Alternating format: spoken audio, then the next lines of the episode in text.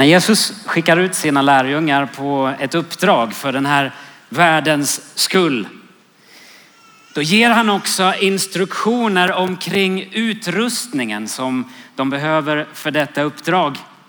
Jag läser ur Matteus kapitel 10, verserna 7 till 10. Förkunna på er väg att himmelriket är nära. Bota sjuka, väck upp döda, gör spetälska rena och driv ut demoner. Ge som gåva vad ni har fått som gåva. Skaffa inte guld eller silver eller koppar att ha i bältet. Ingen påse för färden. Inte mer än en enda skjorta. Inga sandaler och ingen stav.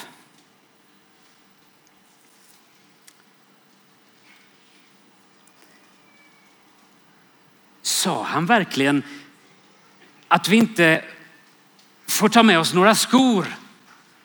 Matteus viskade till kamraten som stod bredvid och sneglade ner på sina krokiga tår som stack ut under läderremmarna på sandalerna. Petrus höjde på ögonbrynen och tänkte, varför skulle vi inte få ta med oss några skor?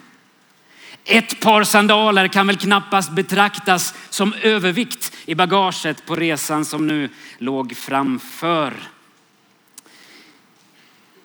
Evangelisternas skildring av Jesus sändningstal skiljer sig något från varandra.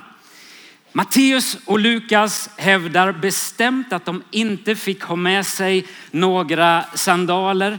Men i Markus evangelium som tros vara den skriftliga versionen av Petrus upplevelser så tillåts lärjungarna att ha med sig ett par sandaler på färden. Skulle de ha med sig sandaler eller skulle de inte ha med sig sandaler? Vem hörde rätt och vem hörde fel?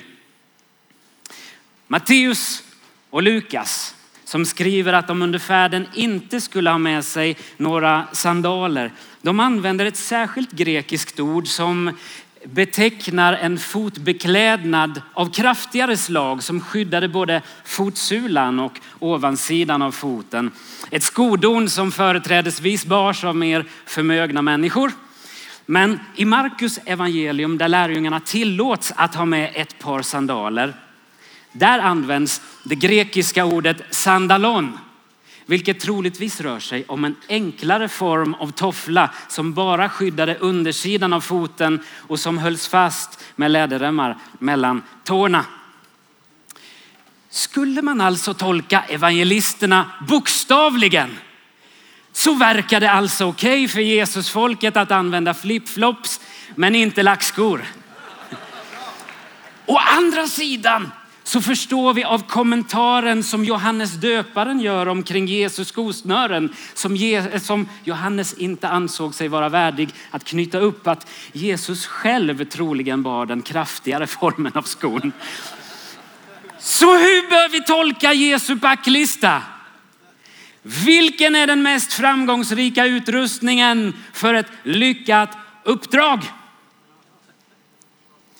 Är det inte märkvärdigt hur ofta vi har fastnat i detaljerna omkring utrustningen för uppdraget? Ska vi använda orgel eller elgitarr? Ska vi fira förmiddagsmöte eller är det mer effektivt att samlas till kvällsgudstjänst? Ska vi ha pressväck på byxorna eller är det okej okay att ha hål för knäna på jeansen? Ska vi följa en liturgisk agenda eller ska vi använda oss av ett karismatiskt körschema? Nu handlade ju inte detta bibelställe om klädkoderna för Jesusfolket överhuvudtaget. För även om uppfattningen omkring packlistan gick isär bland lärjungarna så var de rörande överens om syftet med operationen som deras befälhavare just hade beskrivit. Det var inte en packlista. Det var ett stridstal. Nu skickade Jesus ut sin armé för att betvinga sjukdom och driva undan död och ondska. Nu skulle helvetets fästen intas och himmelriket återfå kontrollen. På det här fälttåget skickade han ut den lilla hären utan militärkängor med stålhätta. Ledorden för uppdraget var enkelhet, mildhet och förtröstan. Så skickade Jesus ut dem på äventyret utan utrymme för vidare förberedelser. Det var innebörden av vad han just hade uppmanat dem. Gå som ni är. Ni har redan allt ni behöver. Skaffa inte mer utrustning. Dröj inte. Att gå utan skor, det skulle jag vilja använda som en metafor idag, en bild. Jag drömmer om en barfota kyrka. Kan du höra ljudet från den barfota kyrkan? Det är inte ljudet från en kyrka som klampar på i egen kraft efter egna strategier. Det är inte heller ljudet av en kyrka som tungt hasar sig fram i trötta, slitna mockasiner. Romarbrevet 10.15 säger skönt ljuder stegen av dem som bär bud om goda ting. Det är ljudet från den barfota kyrkan. Kyrkan som dragit av sig sina egna sandaler och som tagit på sig villigheten som sina skor. Beredskapen att gå ut med budskapet om frid. Kan du höra de sköna fotstegen? Att vara barfota ger mig kraftfulla associationer. En av mina ritualer som barn det var att andäktigt ta av mig skorna och strumporna när jag kom hem från skolavslutningen på försommaren.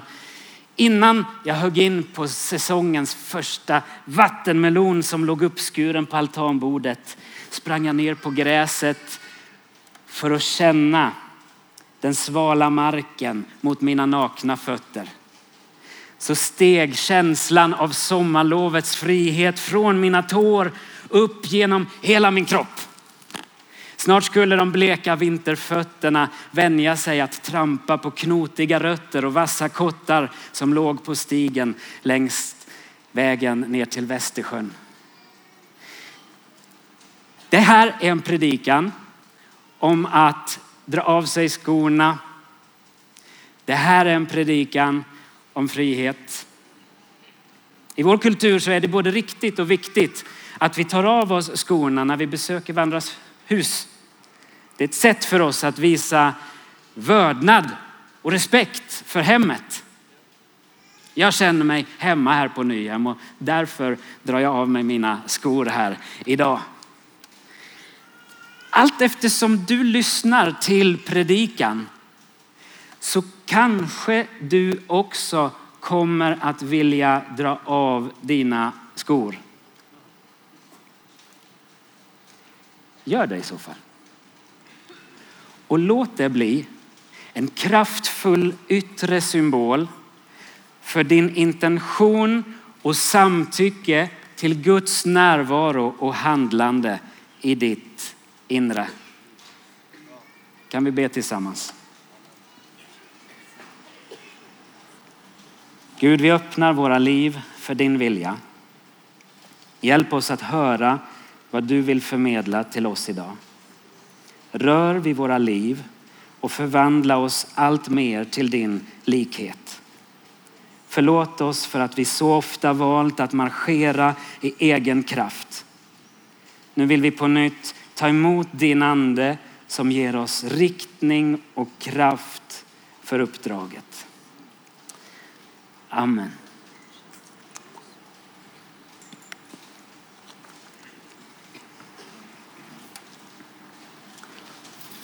En gång när Mose vaktade fåren åt sin svärfar Jetro, prästen i Midjan, drev han dem till andra sidan öknen och kom till Guds berg Horeb. Där visade sig Herrens ängel för honom i en eldslåga som slog upp ur en törnbuske. När Mose såg att busken stod i låga utan att brinna upp tänkte han, vilken märklig syn. Jag måste gå och se efter varför busken inte brinner upp. Då Herren såg att han gick för att se efter ropade Gud till honom ur busken. Mose, Mose. Han svarade, ja här är jag. Herren sa, kom inte närmare. Ta av dina skor, du står på helig mark. Herren hade sett sitt folk plågas i Egypten. Han hade hört deras klagorop över deras slavdrivare. Han visste vad de hade fått lida och därför hade Herren stigit ner för att befria dem från Egypterna och föra dem till ett rikt och vidsträckt land som flödade av mjölk och honung. Detta hade Herren för länge sedan lovat sin vän Abraham. Och en av de saker vi kan veta om Gud, det är att han alltid håller sina löften. En annan sak vi bör känna till om Gud, det är att han alltid reser upp ledare bland människorna för att fullfölja sina löften. Gud hade utvalt Mose som en ledare för sin tid. Mose fick uppdraget att sätta Guds räddningsplan i verket. Och den första instruktionen han fick för detta uppdrag var ta av dig skorna. Mose förstod omedelbart symboliken. Uppvuxen i Egyptens palats visste han att det var slavar som gick utan skor. När han hörde Guds uppmaning förstod Mose, nu gör jag bäst i att lyssna och lyda.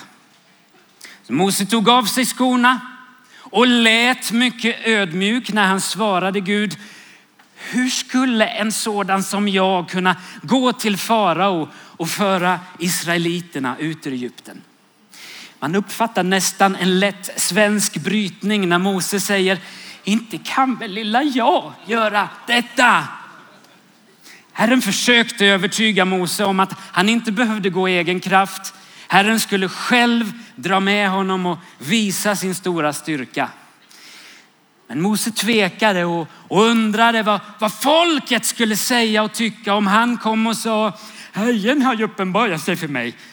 Han vill ju inte bli bortgjord och utskrattad bland sina vänner.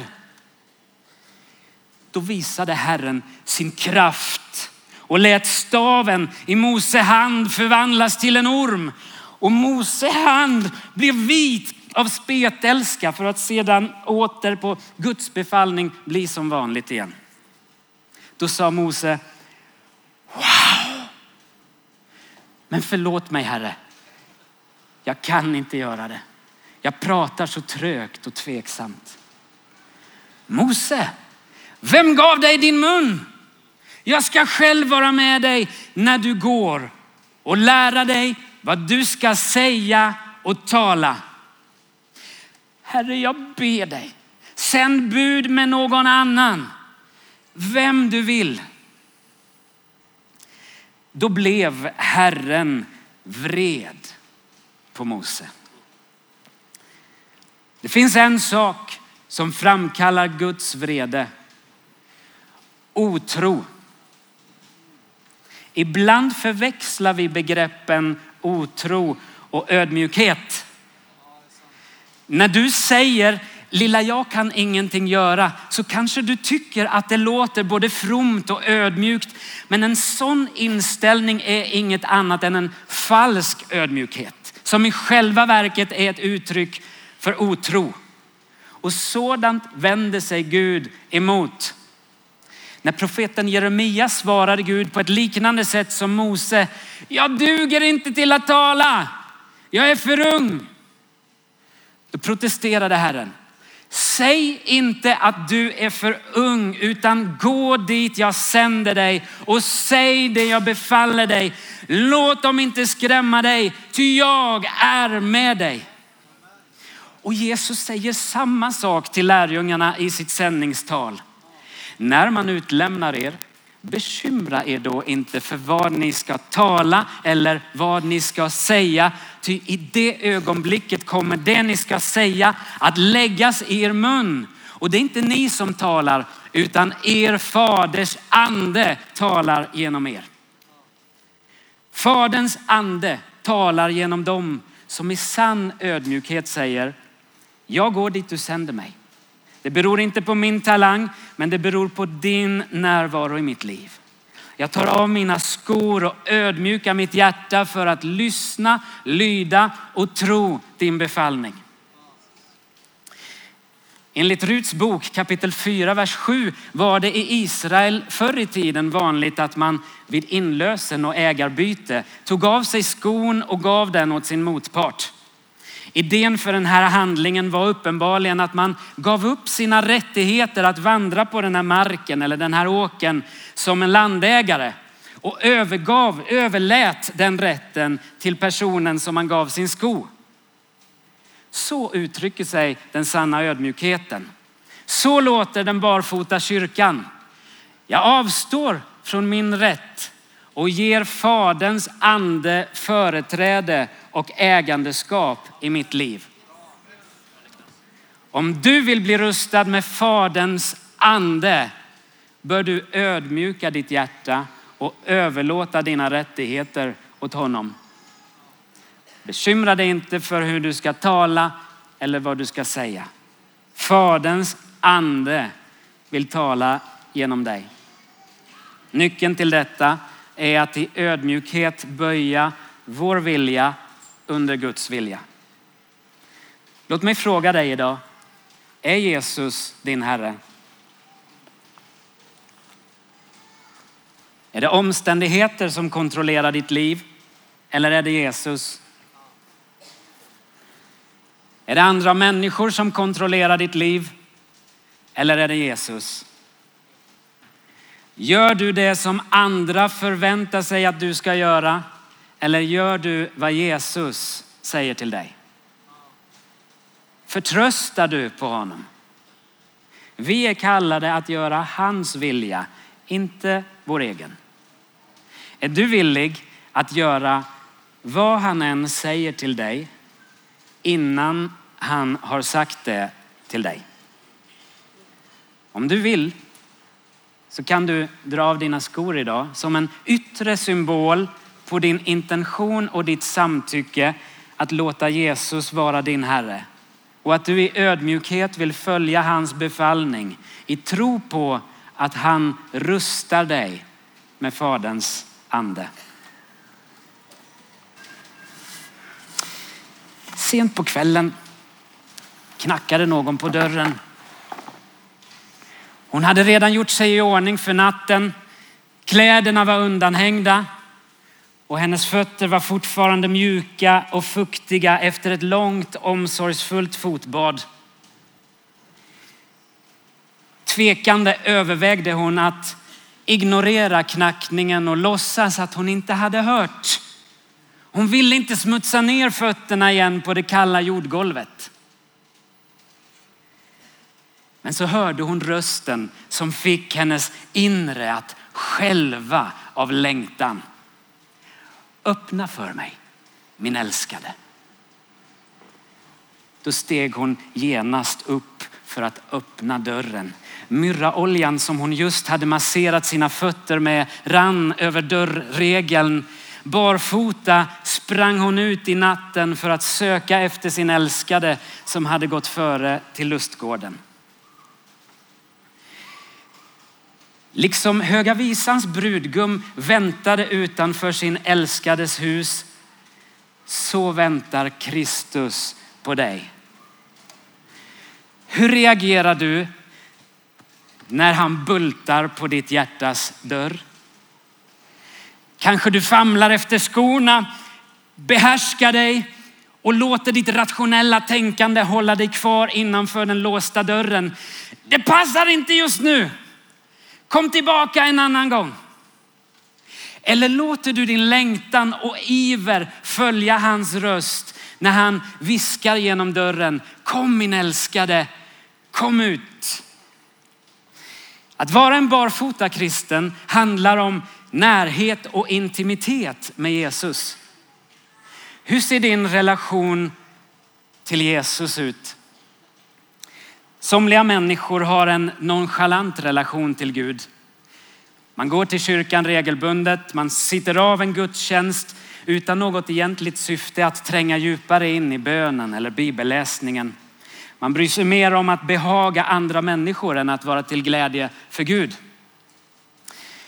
Andra människor har en mer teoretisk relation till Gud. Man kan mycket om honom, men man känner honom inte personligen. Det är ju faktiskt möjligt att vara teologiskt bildad, att behärska både grekiska och hebreiska, att kunna memorera långa stycken av Bibeln utan till och ändå inte känna Gud personligen. Jag önskar att du har en törst och längtan efter mer av Jesus. Att du lever i en växande relation till honom och att du tycker om att vara bland andra människor som hungrar efter Guds närvaro och som inte bara leker kyrka. I så fall vill jag gratulera dig. För Jesus har ju sagt att ett hjärta som längtar efter Gud kommer att finna honom. Gud vill dela livet med dig som en nära vän. I sitt sändningstal upprepar Jesus gång på gång till lärjungarna, var inte rädda. På er är till och med hårstråna räknade. En sådan närhet bjuder Jesus in oss till. Han bjuder oss så nära att hårstråna kan räknas. Han bjuder oss så nära att han kan viska i vårt öra vad vi sedan ska ropa ut från taken. En del av oss är livrädda att komma någon annan allt för nära. Madeleine Goffin är en av de psykologer som förklarar för oss att en låg och skadad självkänsla som kan bero på mobbing eller utanförskap under uppväxten kan orsaka detta. Förhoppningsvis så fanns vuxna som vidtog åtgärder för det lilla barnets skull. Men ofta pågår sådana saker i skymundan för de vuxna eftersom barnet tror och tänker att det blir värre om jag låter vuxna veta detta. Madeleine frågar en insändare till hennes frågespalt i Svenska Dagbladet. Hur har du haft det i din familj? Med dina föräldrar och andra vuxna nära? Fick du den goda närheten som också gav utrymme för respekt och egen integritet? Eller kände du dig ensam där också? Som en kompensation för en låg och skadad självkänsla använder man ofta duktighet som ett sätt att försöka bli bekräftad. Om man känner sig som ingenting blir man någonting genom att prestera och vara duktig. Men i längden visar det sig att det är ännu en inkörsport till lidande. Man blir fast i presterandet och behovet att få andras gillande. Man uppväger sin låga självkänsla genom att göra saker som man vet att andra uppskattar. Man finns till för att bli beundrad för det man gör och inte för den man är. Att då komma nära en annan person kan faktiskt upplevas livsfarligt. När man öppnar sitt hjärta och gör sig sårbar så utsätter man sig för en enorm risk att bli avvisad när man visar upp sitt innersta. Det där som man aldrig trott duger någonstans. Och därför aktar sig många för att låta det som man upplever som ett värdelöst inre att komma i dagen. Jesus försäkrar sina efterföljare när han sänder iväg dem på uppdraget. Uppdraget jag ger er är inte beroende av hur andra människor gensvarar till er. Var alltså inte rädda. Er fader har omsorg om sparven och han har omsorg om er. Ni är mer värda än aldrig så många sparvar. Så skickar Jesus iväg dem barfota och beroende av att våga leva nära andra människor som skulle öppna sina hus för att erbjuda husrum eller en bägare friskt vatten. Jesus förstår att många av oss bär på skamkänslor som gör att vi inte vågar leva nära honom eller andra människor. Därför gör han något häpnadsväckande kvällen innan sitt stora lidande. Allas ögon var riktade mot honom. Förundrade ser de hur Jesus reser sig upp från sin plats, tog av sig manteln och band en handduk om livet. Sen tog han vatten i ett tvättfat och började att tvätta lärjungarnas fötter och torka dem med handduken som han hade bundit om sig. När han kom till Petrus sa Petrus till honom, Herre ska du tvätta mina fötter? Hans fötter var smutsiga och lortiga från de dammiga grusvägarna. Oftast hade man slavar i hushållet som tvättade besökarnas fötter. Petrus protesterade. Du ska under inga omständigheter tvätta mina fötter. Nej, aldrig. Petrus ansåg att det var långt under Jesu värdighet att befatta sig med hans smutsiga, stinkande fötter. Men Jesus svarade honom, om inte jag tvättar dig har du ingen gemenskap med mig. Så hävdar Jesus att verklig vänskap och intimitet bara kan finnas där tillit råder. Om du upplever en rädsla för att komma nära andra på grund av sådant som du inte vill blotta för någon, får jag då bjuda in dig att ta av dig skorna som en yttre symbol för din intention och ditt samtycke att låta Jesus ta hand om din smuts eller skam. Han är inte här för att döma, skada eller svika dig. Han är här för att tvätta, badda och smörja dina fötter så att du på nytt kan dansa med honom. Hör hur hans ande viskar i ditt hjärta. Kom min älskade, kom ut. I hela Israel fanns ingen som var så beundrad för sitt utseende som Absalom. Han var fulländad från huvud till fot. När han klippte håret, och det gjorde han en gång om året, han klippte det för att det blev för tungt. Då brukade han väga håret och det vägde tre kilo. Tre kilo hår, det är tolv gånger så tungt som den här peruken. Absalom hade en enorm frisyr. Men det största bekymret i Absaloms liv, det var inte den kopiösa konsumtionen av schampo. Han var mer besvärad över det komplicerade förhållandet han hade med sin pappa, kung David. Absalom var upprörd över att David inte hade stått upp för Absaloms syster som blev utsatt för en våldtäkt inom familjen. Absalom ville hämnas och dödade därför förövaren, hans bror Amnon. Därefter hade Absalom flytt landet. Tre år senare hade David kommit över sorgen efter Amnon och längtade efter att Absalom skulle komma tillbaka. Så han lät hämta sin son till Jerusalem men vägrade fortfarande att möta honom personligen. Som en sårad förortsunge bränner bilar och skriker efter uppmärksamhet tände Absalom eld på Joabs åker för att försöka fånga myndigheternas intresse. Då kallade kungen till sig Absalom. Absalom kom och hälsade underdånigt med ansiktet mot marken, vilket inte är så konstigt om man har en sån tung frisyr. Men såren hade redan gått så djupt att familjekonflikten fortsatte. Absalom kunde så småningom samla ihop en mobb av förledda israeliter som hotade att störta David från tronen i Jerusalem.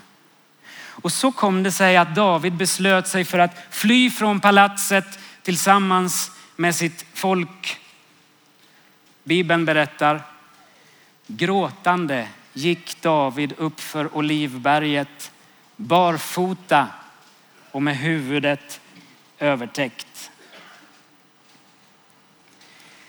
Vi som kyrka är på väg upp för Olivberget där missionsuppdraget snart ska avslutas och kung Jesus återvända till jorden. Men om uppdraget ska kunna slutföras behöver den äldre generationen likt David dra av sig sina skor för att med ödmjukhet och i tårar be om nåd över den klyfta som uppstått mellan generationerna. Vi kan inte och vi får inte nonchalera den unga generationens rop efter rättvisa. Vi måste bjuda in dem till samtal, till närhet. Det räcker inte att vi lever i samma stad. Det räcker inte att vi rör oss i samma kyrka. De unga ropar efter vår uppmärksamhet. Bibelns profeter säger, innan Herrens stora dag kommer ska han vända fädernas hjärtan till barnen och barnens hjärtan till fäderna. Och profeten Joel fyller i, det ska ske de sista dagarna att jag utgjuter min ande över alla människor. Era söner och döttrar ska profetera, era unga män har syner och era gamla män har drömmar.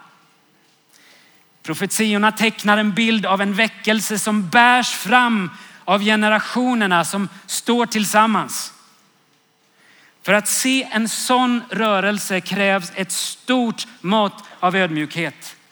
Vi behöver dra av oss våra egna skor och försöka sätta oss in i hur det är att vandra i en annan generations mockasiner. Här har den äldre generationen ett stort ansvar, men även en yngre generation behöver lära sig vikten av ödmjukhet. Absalom var så fixerad över sitt utseende. Han var så självupptagen att han vägde sitt hår när han klippte det. Och hans fåfänga blev till slut hans död när hårsvallet fastnade i de täta grenarna där han kom ridande under terebinten. En kyrka som är alltför upptaget av sitt yttre kommer att få en snöplig död på grund av sin fåfänga. Jag har landat i ett personligt beslut det senaste halvåret. Ett beslut som inte var alldeles enkelt att fatta. Jag har tackat ja att börja en ny tjänst som pastor för barnen i Jönköping. Jag upplevde Guds ledning i detta, men tänkte ändå tankar som, jag kan väl inte börja arbeta med barn.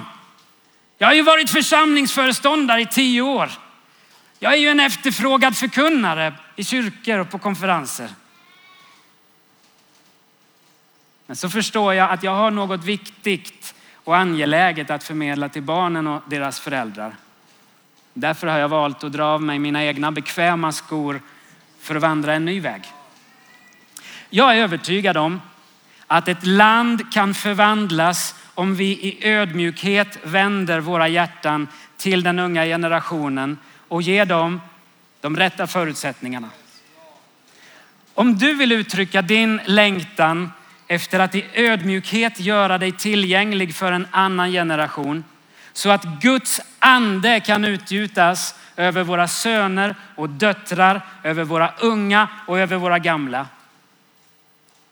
Då kan du dra av dina skor som ett yttre tecken på din intention och ditt samtycke att låta Gud vända ditt hjärta till de unga som en förberedelse för Herrens stora dag. Strax innan Golgata-dramat i sitt avskedstal till lärjungarna. Då hänvisar Jesus till vad han tidigare hade sagt till dem. När jag sände ut er utan penningpung, påse eller sandaler, behövde ni då sakna något? Nej, svarade de. Ingenting. Då sa han, men nu ska den som har en penningpung ta med sig den och likaså påsen och den som är utan pengar ska sälja sin mantel och köpa sig ett svärd. Jesus anger tonen att kärvare tider väntade. Nu uppmanar han lärjungarna att rusta sig, att bereda sig. Nu ska de ta med både plånbok och resväska. Men fortfarande inga skor. Däremot ett svärd. Petrus som tidigare haft svårt att tolka packlistan förstår inte om Jesus talar bildligt eller bokstavligt. Men lite senare i ett semane så tydliggör Jesus för Petrus att han inte syftade på riktiga vapen när han befaller Petrus att stoppa undan svärdet.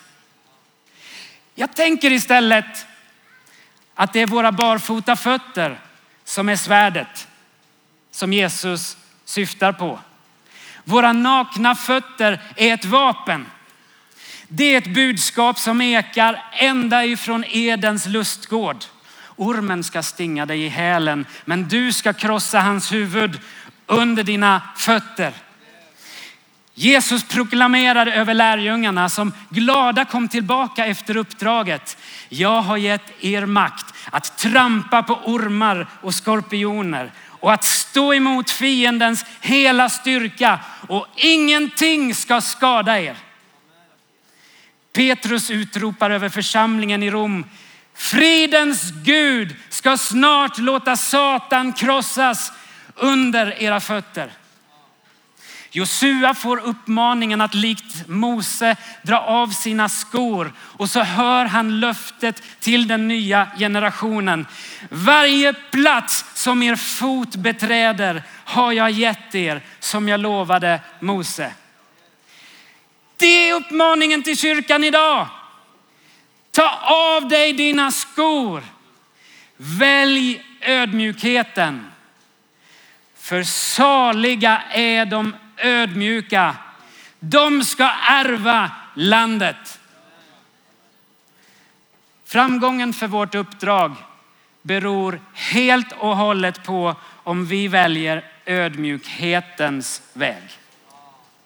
Idag har jag talat om att dra av sig sina skor som en metafor för ödmjukheten som vi är kallade till. Ett ödmjukt hjärta är förutsättningen för att bli rustad med den helige ande. Folkbibelns översättning av Jesaja 57 och 15 lyder Så säger den helige.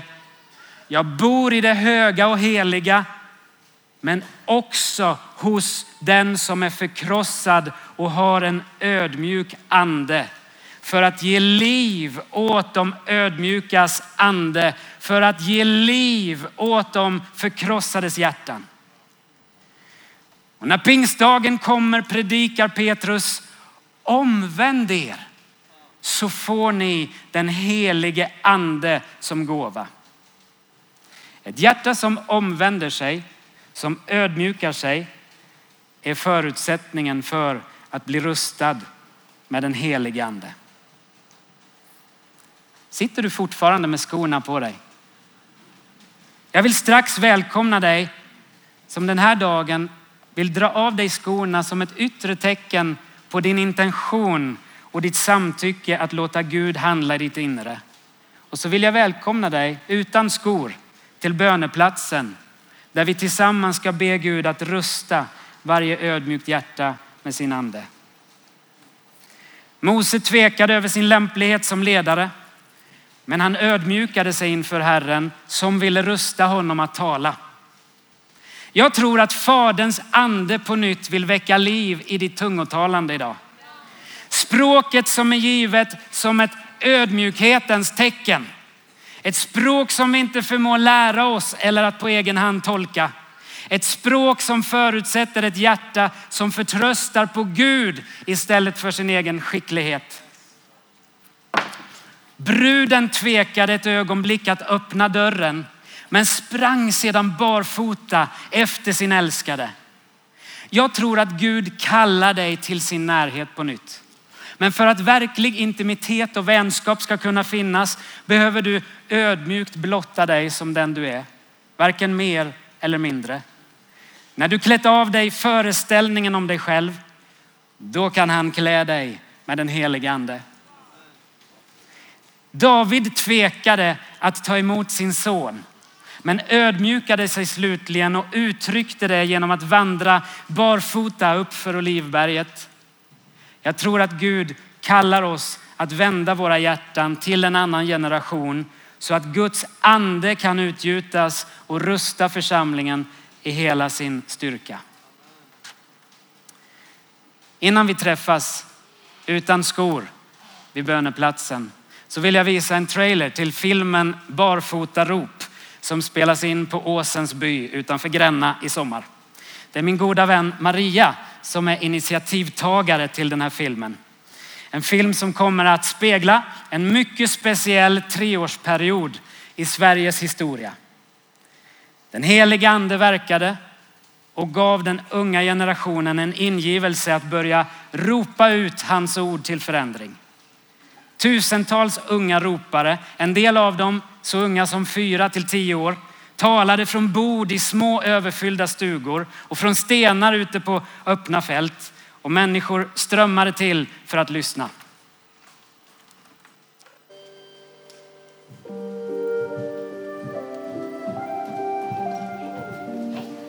Var någon som såg dig? Nej, jag tror inte att någon såg mig. Tog du med dig Bibeln? Ja, jag gömde den här i tvättkorgen. Ja, vad bra. Ja. Jag älskar att lyssna till Bibeln.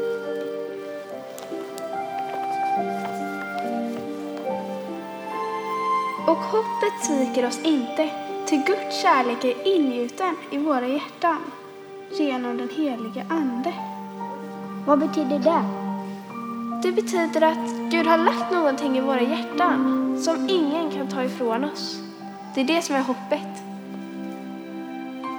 Kan vi inte sjunga en sång? Ja, vi kan sjunga den här. vet att Gud på alla sätt under 1840-talet var Sverige ett land i misär och fattigdom. Den genomsnittlige svensken söp två liter brännvin i veckan.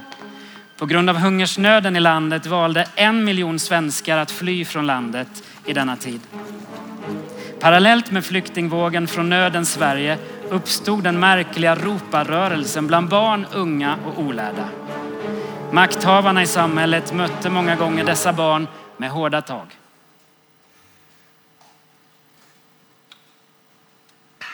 Herr Grundsund, vi har någonting att fira. Har vi någonting ytterligare? Ja, vi har en boskapstjuv som vi har fångat. Ofelia och Lindqvistbarn. Vänta lite grann. Ja, Skål på det! skål på det. Ofelia och Lindqvistbarn har samlats i deras lada och ber och lovsjunger tillsammans. Vad säger du barn? Kom fram här. De ber och läser ur Bibeln. Utan präst. Ja, Det är ju emot lagen, det är ju emot konventikelplakatet. Det är ju fruktansvärt. När hände detta? nu. Nu! Herr Det Grundström, är ju otroligt. herr Grundström. Ja, Nu får vi lugna ner oss lite grann här. Vi kommer att ta tur med det här. Kom så går vi till prästen. ja det Nu gör med vi. detsamma. Nu går vi. En förföljelse och bestraffning som vi skulle kalla för tortyr eller maktövergrepp bröt ut. Man gjorde allt för att stoppa barnens rop. Överheten förtrampade de små och många gånger värnlösa.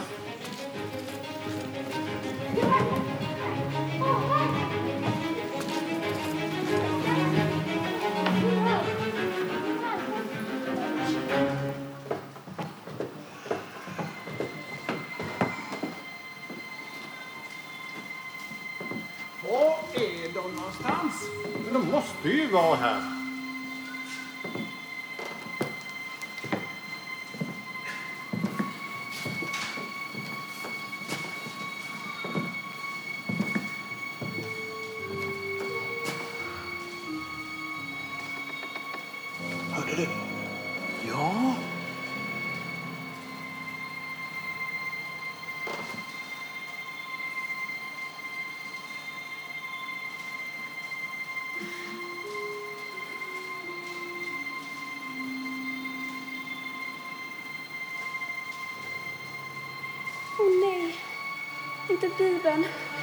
måste göra något. Efter henne!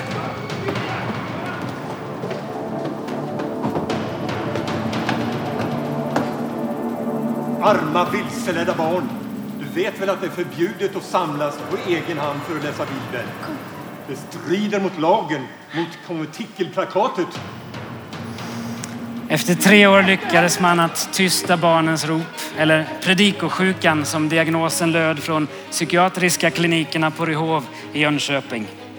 Det ingen anade, det var att i spåren av roparna skulle en gräsrotsrörelse växa fram som ingen kunde stoppa. Fröet till väckelsen och frikyrkorörelsens framväxt planterades. Var gärna med i bön för den här filminspelningen av Barfota rop under ledning av Maria Wiklund den här sommaren. Vi ber och tror att modet hos barn och unga än en gång kan måla om Sveriges historia. För när nöden drabbar ett land eller ett samhälle, när vi kommit till slutet av oss själva, när våra resurser är tömda och vi inte längre förmår att i egen kraft åstadkomma förändring, då kan Guds ande verka genom ödmjuka hjärtan. Guds ande är utrustningen som vi behöver för den här världens skull. Nu ska vi be Guds ande att fylla oss på nytt. Välkommen du som vill dra av dina skor, ödmjuka ditt hjärta och välkomna Faderns ande. Böneplatsen är öppen. Jag påminner om vad Bibeln lär oss i andra krönikeboken 7 och 14. Om mitt folk som mitt namn är utropat över ödmjukar sig och ber och söker sig till mig och lämnar sina onda vägar, då ska jag höra det från himlen och förlåta dem deras synd och bota deras land. Maria led oss i en bön för den uppväxande generationen. Vi står upp tillsammans. Jag bara vill börja med att tacka dig Gud för det rika arv som vi har i vår historia. Jag tackar dig för det genombrottet som kom på mitten av 1800-talet. Tackar dig för de ropen som gör då av barn som led och som faktiskt fick genomgå tortyr Jesus. Jag tackar dig för att det är en sådd i vårt land Jesus. Och där eh, du, när det sås så kommer det också skördas Jesus. Så därför så vill vi bara tackar dig för det arvet vi har och vi vill be att ännu en gång ska detta skeende få ske i vårt land Sverige Jesus. Tackar dig för att eh, du ska komma med en våg av frimodighet till barn och unga. Jag tackar dig för alla gåvor som du har lagt ner i, i, i de barnen som växer upp i Sverige idag Jesus. Vi ber att du drar bort locket Jesus. Det som håller dem tillbaka, det som inte vågar, gör att de inte vågar uttrycka sig. Vi ber att de ska få ropa ut på det sättet som är mest naturligt för dem Jesus idag. Att de ska få höja sina röster för förvandlat Sverige Jesus. Ett Sverige som vänder sitt hjärta till dig, Abba Fader. Mm.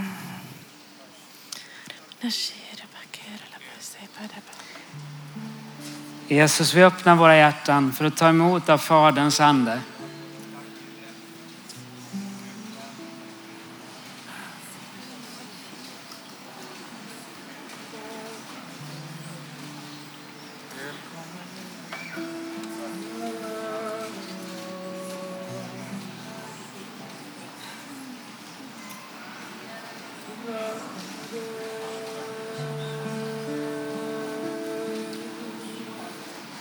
Utan försvar och ursäkter så vill vi på nytt komma till dig. Du som känner oss, du som ser oss.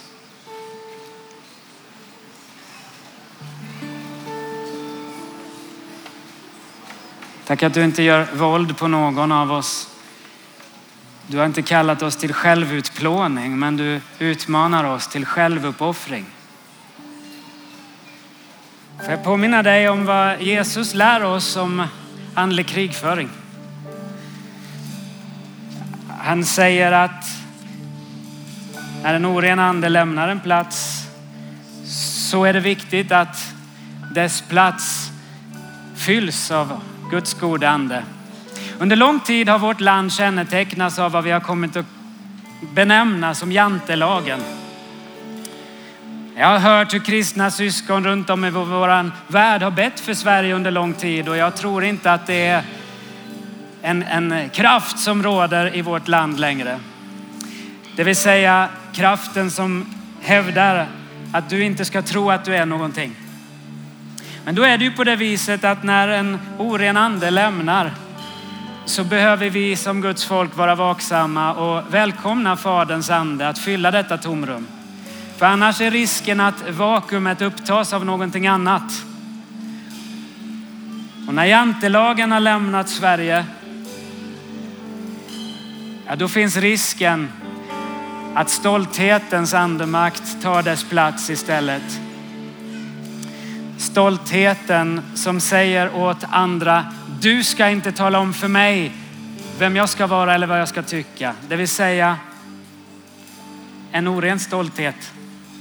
Vi som Guds folk behöver be att detta vakuum i vårt land ska fyllas, inte av stolthet som förhäver sig över någon annan, utan om den sanna ödmjukhetens ande. Ödmjukheten som säger, detta är den jag är. Varken mindre eller mer. Vi ber Gud att möta oss med ödmjukhetens ande. Vi ödmjukar våra hjärtan och tar emot hans ande som på nytt vill förvandla vårt land. Vi ber helig ande kom och möt oss här.